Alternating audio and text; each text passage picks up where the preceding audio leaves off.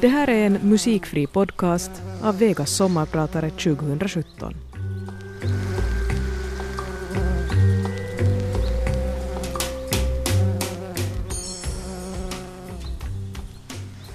Jag träffar bonden Diego i slutet av november 2012 i hans vardagsrum i Mercedes i Uruguay. Genom hans fönster hörs ljudet av marknaden som pågår på plazan där utanför. Stan har en vacker arkitektur från kolonialtiden. Men trots allt det där vackra finns det en tragisk historia gömd bakom fasaden. Diego har flyttat dit efter att ha sålt sin bondgård mot sin egen vilja då de finska skogsbolagen kom in och köpte upp grannarnas gård och vattnet i hans brunn försvann. Tack vare Diegos berättelse kunde jag se hur vi moderna människor har tappat kontakten till det allra viktigaste som håller oss vid liv, alltså maten.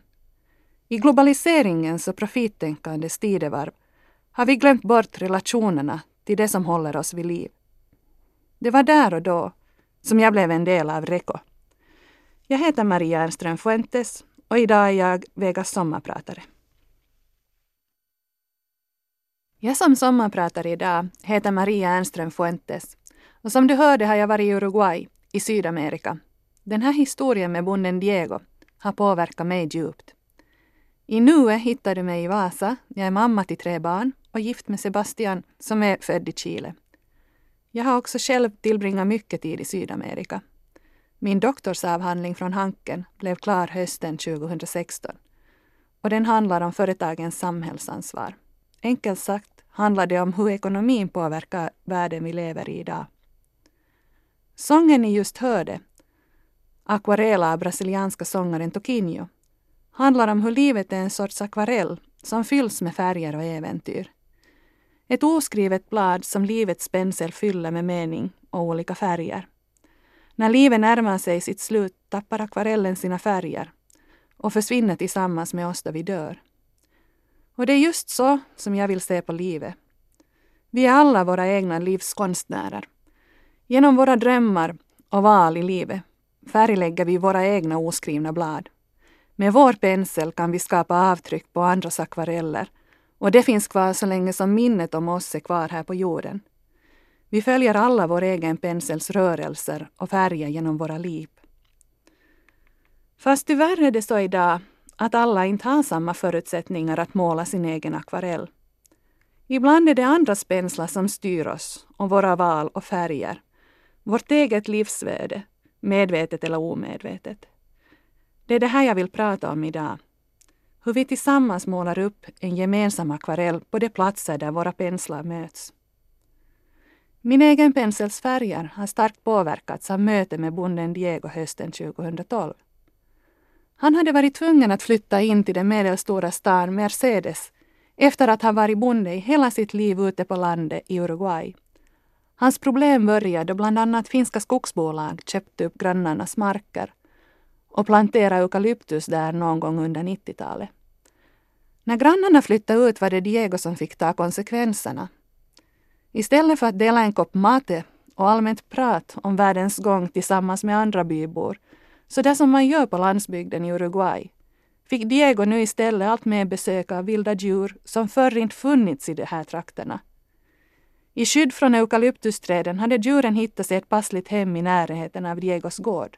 De åt upp hans majsodlingar och orsakade kostsamma skador på gården. När eukalyptusträden dessutom drog i sig allt vatten som funnits i Diegos brunn måste han ta mera lån och borra djupare hål i marken för att komma åt det livsviktiga vattnet som behövdes på gården. Utan vatten inget jordbruk. Han var hårt pressad av sjunkande livsmedelspriser och stigande kostnader. Och det här gjorde honom stressad och orolig. Han fick hälsoproblem. Till slut såg han ingen annan utväg än att sälja sin gård och flytta in till den närliggande stan Mercedes.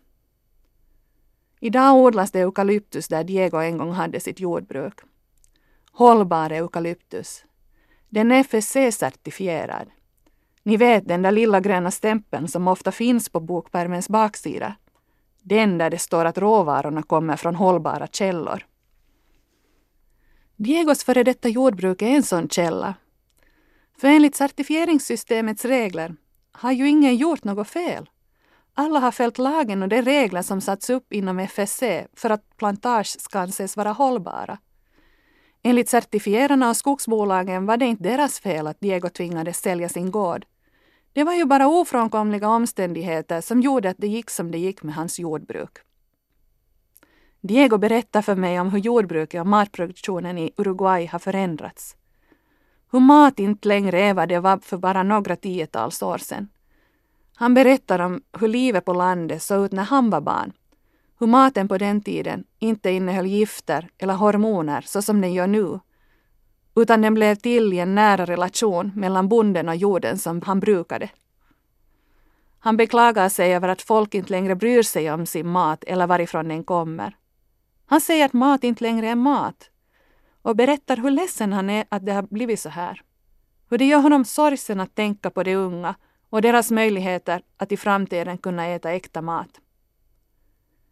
Medan jag lyssnar på Diegos gripande berättelse tänker jag för mig själv hur sorgligt det är när det som håller oss vid liv med ren mat på vårt bord, bönderna, spelas bort som pjäser på en schackbräda för den ekonomiska tillväxtens skull.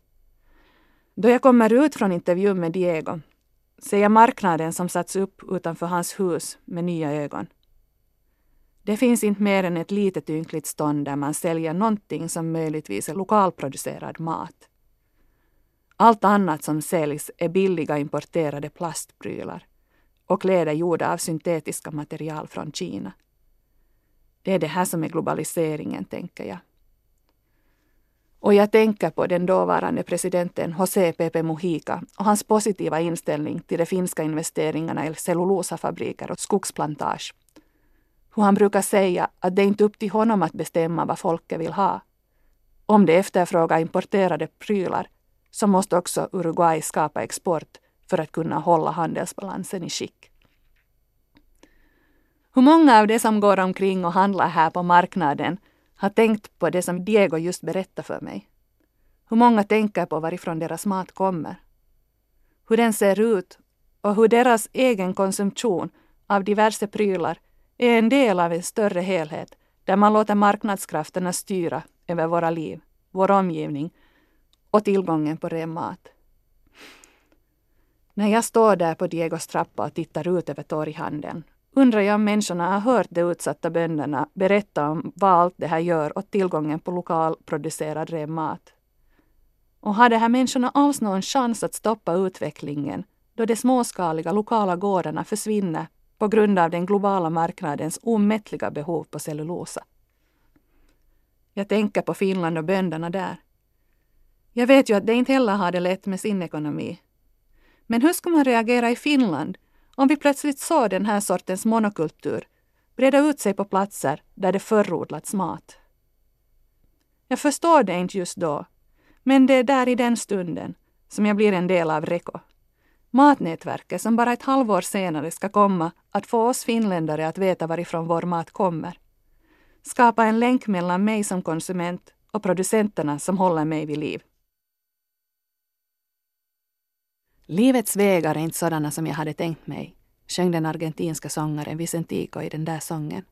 Och det är väl så med akvarellen som vi målar genom valen i våra liv. Det blir sällan som man har tänkt sig.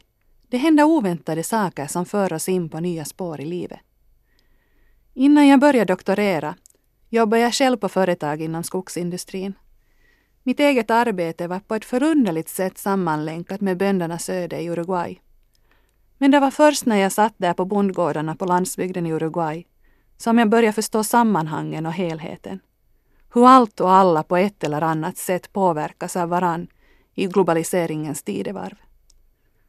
Så är det också med maten. För det var inte bara vad jag hade fått uppleva i Uruguay som gjorde att jag började tänka på det här med mat, varifrån den kommer och hur viktigt det är att jag stöder jordbruk som gör att jag själv mår bra.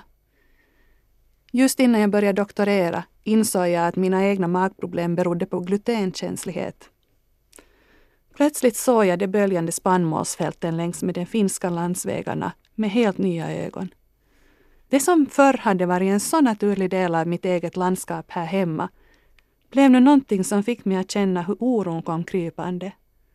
Tanken på att jag plötsligt inte tålde en stor del av vad som växte ute på fälten skrämde mig. Vad skulle hända om jag inte längre hade tillgång till porterad mat? Hur skulle det gå med min hälsa om jag blev tvungen att äta spannmål igen? Jag funderar mycket på varför så många plötsligt börjar må dåligt av gluten. Så var det ju inte förr. Jag började nysta i matmysteriet och kom fram till att mycket ser ut som det gör på grund av de där samma marknadskrafterna som tvingat bonden i Uruguay att sälja sin gård. Inte handlar det här ju bara om bönderna i Uruguay. Det är ju ett problem som existerar överallt i världen idag, där det globala och moderna jordbruket har trängt undan lokala småskaliga och diversifierade jordbruksmodeller. Hur vår mat produceras har konsekvenser för hur vi mår, men också för hur djuren mår på de få gårdar som finns kvar, eller produktionsenheter som det heter så beskrivande på fackspråk. Det är sällan jag ser djur ute på bete då jag kör genom Finland idag. Istället kan jag bara ana mig till vad som finns i de stora ladugårdarna längs med vägen söderut från Vasa till Helsingfors.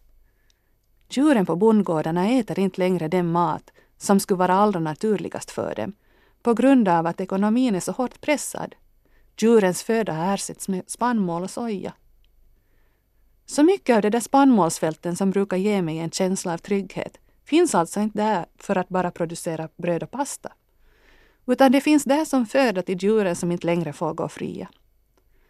Den globala efterfrågan på sojan, som tillsammans med spannmålen utgör grunden för djurens föda, leder till att bönder som Diego tvingas sälja sina gårdar, inte bara i Uruguay, men också i länder som Brasilien och Argentina.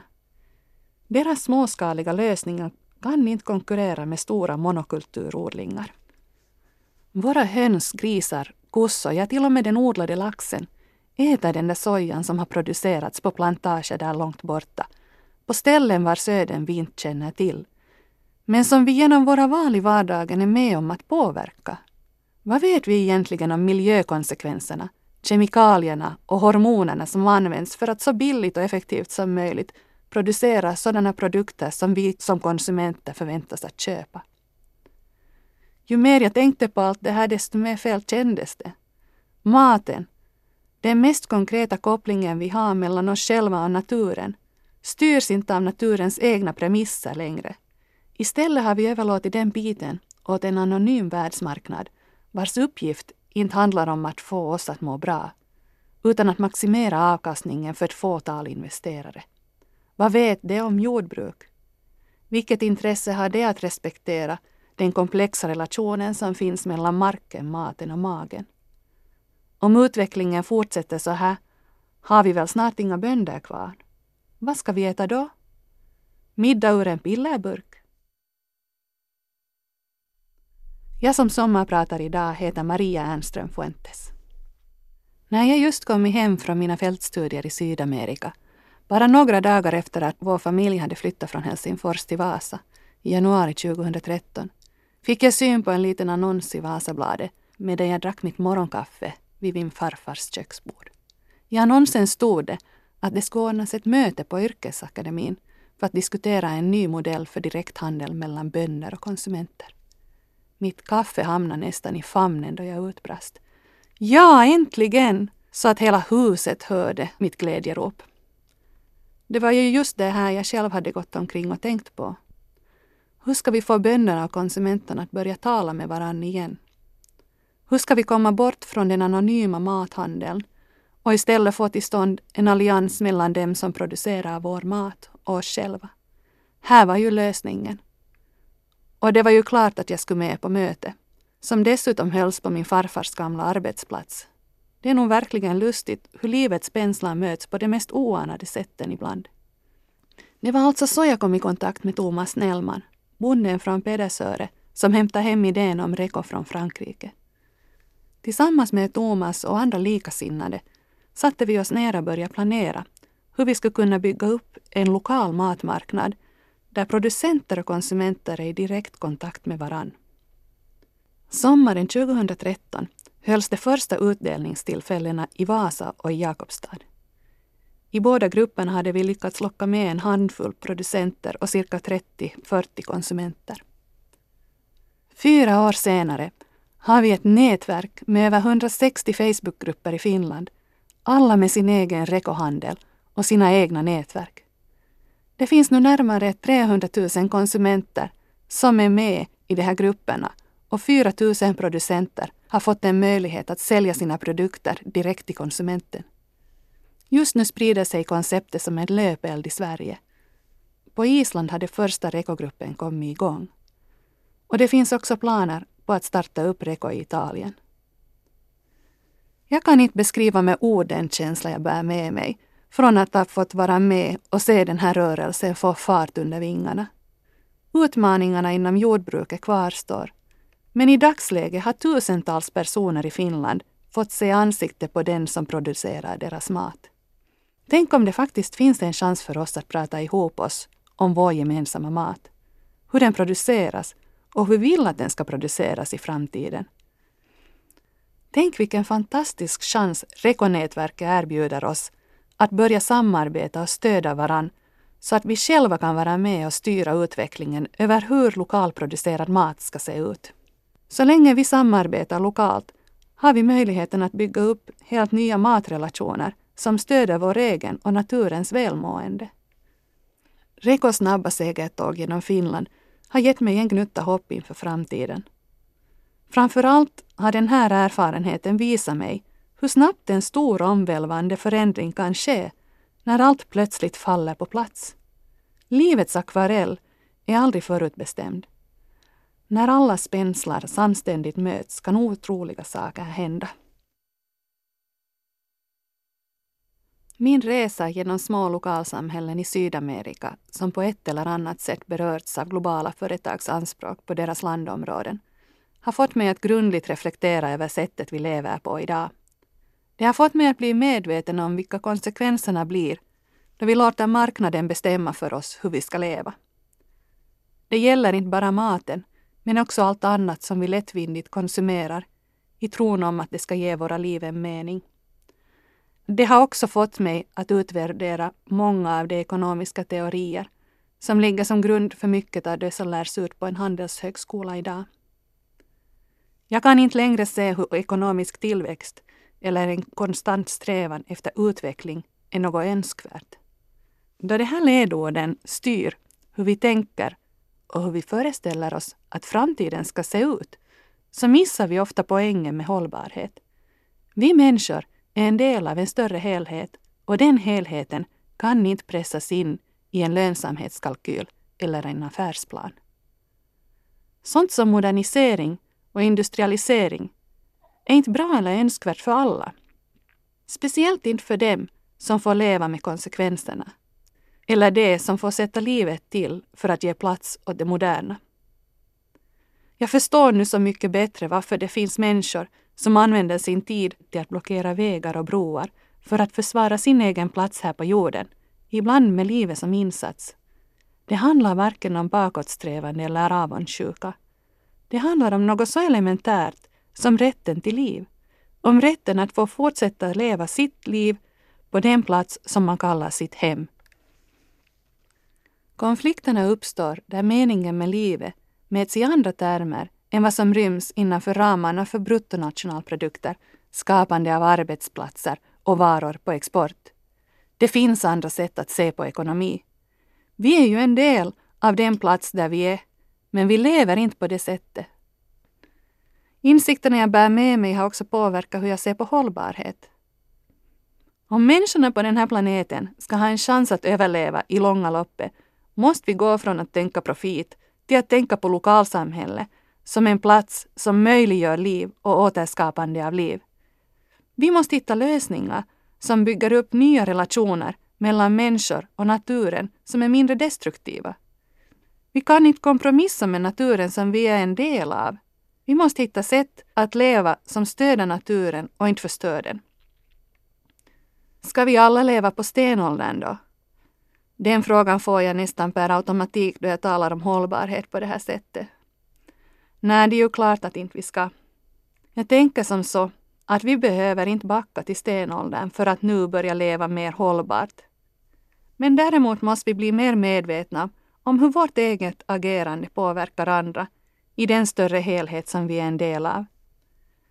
Vi har en massa teknologi och innovationer som har uppstått under ett tidevarv då vi brytt oss väldigt lite om vår egen miljöpåverkan. Ta till exempel telefonen. Vilket otroligt bra verktyg att sammankoppla hela världen människor emellan. Men problemet med telefonen är ju bland annat materialanvändningen, som för tillfället skapar konflikter där materialen utvinns och skapar problemavfall när det i snabb takt ska ersättas med nya trendigare modeller. Telefonen borde ju helst fungera för evigt. Eller åtminstone borde livstiden förlängas för att undvika de problem som skapas nu. Men smarttelefonen har också fört med sig en massa goda saker. Idag kan vi kommunicera med människor över hela världen. Vi kan utbyta erfarenheter och vi kan lära oss av varann. Utan Facebook och smarttelefoner hade rekomatnätverk jag pratade om tidigare knappast ens uppstått. Problemet är alltså inte uppfinningarna i sig, utan det handlar mer om att vi behöver lära oss att ha ett sunt förhållningssätt till dem, så att vi kan ta i beaktande också de negativa konsekvenserna som det medför. Och anpassa vårt agerande till det. Och det här kräver att vi börjar inse hur våra val påverkar andra och hur det påverkar helheten. Ibland kan jag tänka att jag inte själv lever upp till mina egna ideal. Det finns så mycket jag skulle vilja göra annorlunda. Jag skulle verkligen vilja leva ett bilfritt liv. Skärmfritt, kemikaliefritt och plastfritt. Ibland skulle jag vilja vara den personen som fixar allt själv. Som lever ett självförsörjande liv ute i en liten stuga på landet. Nöjd med tillvaron där och då. Och visst skulle jag kunna dra det här med att leva i samklang med naturen till sin spets och flytta ut i skogen. Försöka mig på att bli självförsörjande och leva ett liv långt ifrån allt vad den moderna livsstilen kräver. Men den drömmen är inte min. Inte just nu. Penseln på min och min familjs akvarell målar andra bilder för oss just nu. Så min inställning här och nu har blivit att jag gör vad jag kan för att stärka alternativen. Det som kan ta oss vidare mot de mindre destruktiva förhållanden till varandra och vår natur. I min roll som forskare har jag möjlighet att ta del av andras berättelser. Genom att lyssna på och dokumentera personliga berättelser om möte mellan det globala och det platsspecifika och genom att låta de här berättelserna leva kvar i min egen forskning hoppas jag att andra också ska inse att vi fortfarande lever i en värld med många världar i, som moderna trosatser inte rår på. De världarna är fulla av möjligheter vi behöver inte begränsas av tron på den eviga tillväxten. Vi kan, om vi vill, rå på våra egna berättelser. I min forskning har jag berättat om böndernas tröstlösa kamp i Uruguay och om mapuche-indianernas utdragna kamp mot de chilenska skogsbolagen i Chile. Och jag berättar också på sådana platser där jag ibland känner att de här berättelserna är inte välkomna. Jag gör det för att öppna upp, inte för att förarga. För det är nämligen så att jag tror att vi behöver konfronteras med berättelser. Berättelser som på något sätt hänger ihop med våra egna liv, men som vi förr inte haft en möjlighet att förstå. Hur kan vi förstå vår plats i helheten om vi inte vågar tala om problemen som vår konsumtionskultur medför för dem som förväntas stå värd för vårt ekologiska fotavtryck? Men jag är också hoppfull det finns så mycket som är på gång överallt i världen, men som kanske inte ännu syns utåt. Små lokala gräsrotsrörelser som håller på att ta form, som pekar på helt nya sätt att leva och relatera till varann. I Sverige har ekobyar och nya jordbrukarmodeller börjat slå rot. Där finns det nu flera exempel på unga familjer som startar upp permakulturgårdar Alltså smågårdar med diversifierat jordbruk som både stärker och ger livskraft åt naturen. För att man odlar mångsidigt och planerar enligt de lokala förutsättningarna. De här gårdarna försöker så långt det går spela enligt naturens spelregler. Och det som är så spännande är att det verkar vara på god väg att bygga lösningar som faktiskt fungerar. I Finland finns det exempel på stadsbor som har börjat odla tillsammans sin egen mat. Det gläder mig att se att det finns de som verkligen vill jobba för en hållbar relation till maten de äter med sin egen fritid som insats. Genom att skriva om de här fenomenen ger dem mer synlighet och berättelserna får en spridning som de annars inte hade fått. Genom min forskning vill jag bygga broar mellan många olika världar, få enskilda individers penslar att mötas så att akvarellen om deras liv kan vara betydelsefull också för andra. Genom att ge berättelserna en teoretisk grund att stå på kan de också via de akademiska nätverken nå ut till fler.